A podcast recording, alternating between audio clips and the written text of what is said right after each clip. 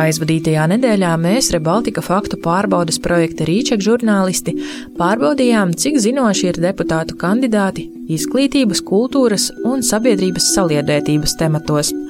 Kurš pārspīlē savu sasniegto, kurš maina nostāju un kurš situāciju rāda drūmākās krāsās nekā tā ir. Mani sauc Anija Petrova un par to stāstīšu mūsu šodienas raidījumā.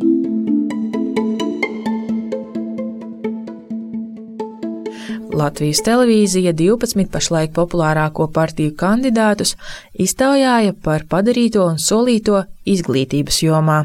Piemēram, ZZS pārstāve Kristīne Vāgnere Davidova rosināja uzlabot pirmsskolas pedagoģu situāciju. Bet varbūt mēs sākam ar tādu mazu solīti, ka mēs pārņemam valsts aprūpē arī pedagoģu darbu samaksu pirmsskolā, kas automātiski atrisinātu arī zināmu daļu problēmu un nostādot šos pedagogus vienā secībā. Viņa varas partijām pārmeta, ka šajā ziņā nekas nav darīts. Izglītības ministra Anita Mužniece no konservatīvajiem iebilda. Nav Līdz tā, ka tu... būtu krities pedagogu bet, nu, nevar teikt, ka nekas nav noticis, jo tieši šogad okay, ir bet jebkurā gadījumā tātad pirmskolas un skolu pedagogu atalgojuma jautājums. ZZS pārstāve pārspīlē, ka nekas nav darīts. Algas celtas arī bērnu dārzu pedagogiem taču arī mužniecei nav taisnība, ka atalgojums izlīdzināts. Patiesībā šogad tikai nedaudz mazināta atšķirības starp to, cik saņem skolotāji pirmsskolās un cik skolās. Minimālā likme par vienu darba stundu pirmsskolas pedagogiem pašlaik ir 6 eiro un 6 centi pirms nodokļu nomaksas, savukārt skolu pedagogiem gandrīz par pusotru eiro vairāk. Izglītības eksperti norāda, ka šā iemesla dēļ ļoti grūti atrast bērnu dārza audzinātājas. Zemās algas dēļ viņas nereti izvēlas iegūt papildu izglītību un pāriet darbā sākuma skolā. Daudz kritikas LTV debatēs izskanēja par augstākās izglītības un zinātnes atstāšanu novārtā šīs saimas laikā. Jaunās vienotības pārstāvis Ārvils Ašarādens centās izcelt pozitīvo. Ja mēs maksāsim 7-8 tūkstoši eiro par studiju vietu, jauki var būt, bet uh, man daudz svarīgāk šķiet, ka tieši šī zinātnes daļa attīstās zinātnes universitātēs, mēs beidzot sasniedzam par to, ko mēs sapņojam. Viņas ir tieši šajā 500. Vai tiešām Latvijas universitātes iekļuvušas pasaules labā labāko 500. Tā nav. Divos zinātniskajos pasaules reitingos vispārējā vērtējumā pirmo 500 universitāšu vidū nav Latvijas augstskolu. Ašarādens mums skaidroja, ka bija domājis Latvijas zinātnes universitāšu sasniegumus atsevišķās kategorijās, ne reitingos kopumā, taču jāpiebilst, ka, piemēram, Igaunijas starta universitāte abos zinātniskajos reitingos kopējā vērtējumā ir pat 300 labāko vidū. Izglītības debatēs pievērsām uzmanību arī progresīvo kandidātes Antoninas Ņenāšavas teiktajam, ka partija nesot pret skolās paredzēto valsts aizsardzības mācību.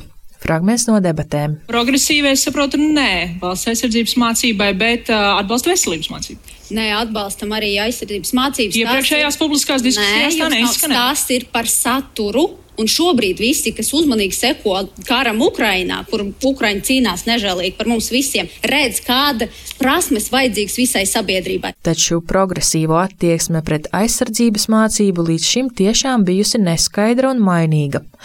Pirms diviem gadiem partija aicināja attiecīgo likumprojektu neizsludināt, jo izglītība tā tikšot pakļauta militarizācijas riskam.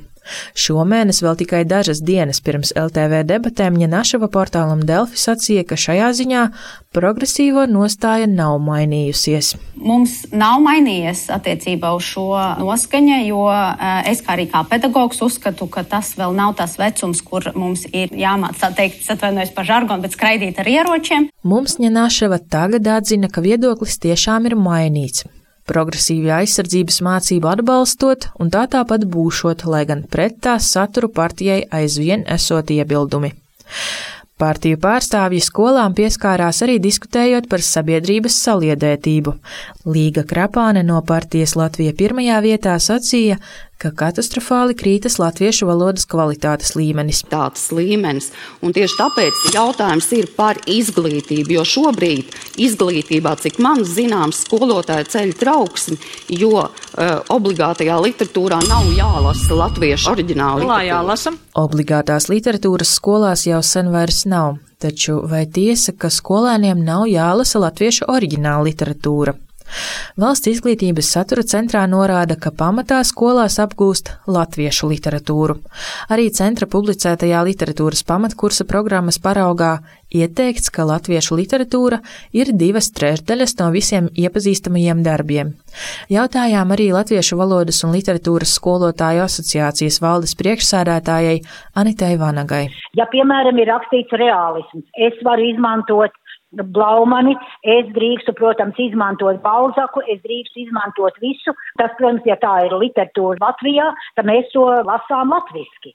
Kas attiecas uz romantismu tieši tādā pašā veidā. Nekur nav nosaukt kaut kāda obligātā literatūra. Par to, ka ir ieteicamā literatūra, un to mēs aicinām skolēnus lasīt, par to vienojas katra konkrētā skola. Vanaga ir skolotāja Āgenskalna valsts ģimnāzijā. Šīs skolas skolotāji izlasāmās literatūras sarakstā iekļāvuši galvenokārt latviešu darbus. Visbeidzot, partiju pārstāvji diskutēja par kultūras pieejamību. Kultūras ministrs Nauris Puntulis no Nacionālās apvienības diskusijā stāstīja, ka kultūra kapitāla fonds šogad ir par trešdaļu lielāks. Pārbaudījām un secinājām, ka kultūra kapitāla fonda valsts finansējums šogad ir nepilni 13 miljoni eiro, taču pieaugums ir nevis trešdaļa, bet aptuveni 12%. Kultūras ministrijā mums skaidroja, ka ministrs valsts daļai skaitot klāt arī 4 miljonus Eiropas Savienības fondu naudas pandēmijas seku mazināšanai. Tos novirzīs piemēram Marka Rotko centram, Liepājas teātrim un nevalstiskajām organizācijām. Debatēs izskanēja arī, ka kultūras pasākumi ne visiem ir finansiāli pieejami. Ministrs Puntulis iebilda. Ja runājam par to, ko cilvēki nevar atļauties, es arī līdz galam nepiekrīstu, jo apmeklējums rāda diezgan pretēju ainu. Kultūras pasākumu ir apmeklēti. Taču datu, kas pierādītu kultūras pasākumu labo apmeklētību, kultūras ministrijai nav. Puntulim tā esot teikuši privātie producenti un kāds vārdā nenosaukts biļešu tirdzniecības uzņēmums. Tas bija Rebaltika faktu pārbaudes projekta Rīčeka raidījums, kurā analizējām deputātu kandidātu teiktā atbilstību faktiem. Raidījumu gatavoja es Annija Petrova kopā ar kolēģiem Ronaldu Siliņu un Evitu Pūriņu, speciāli Latvijas radio ziņu dienestam.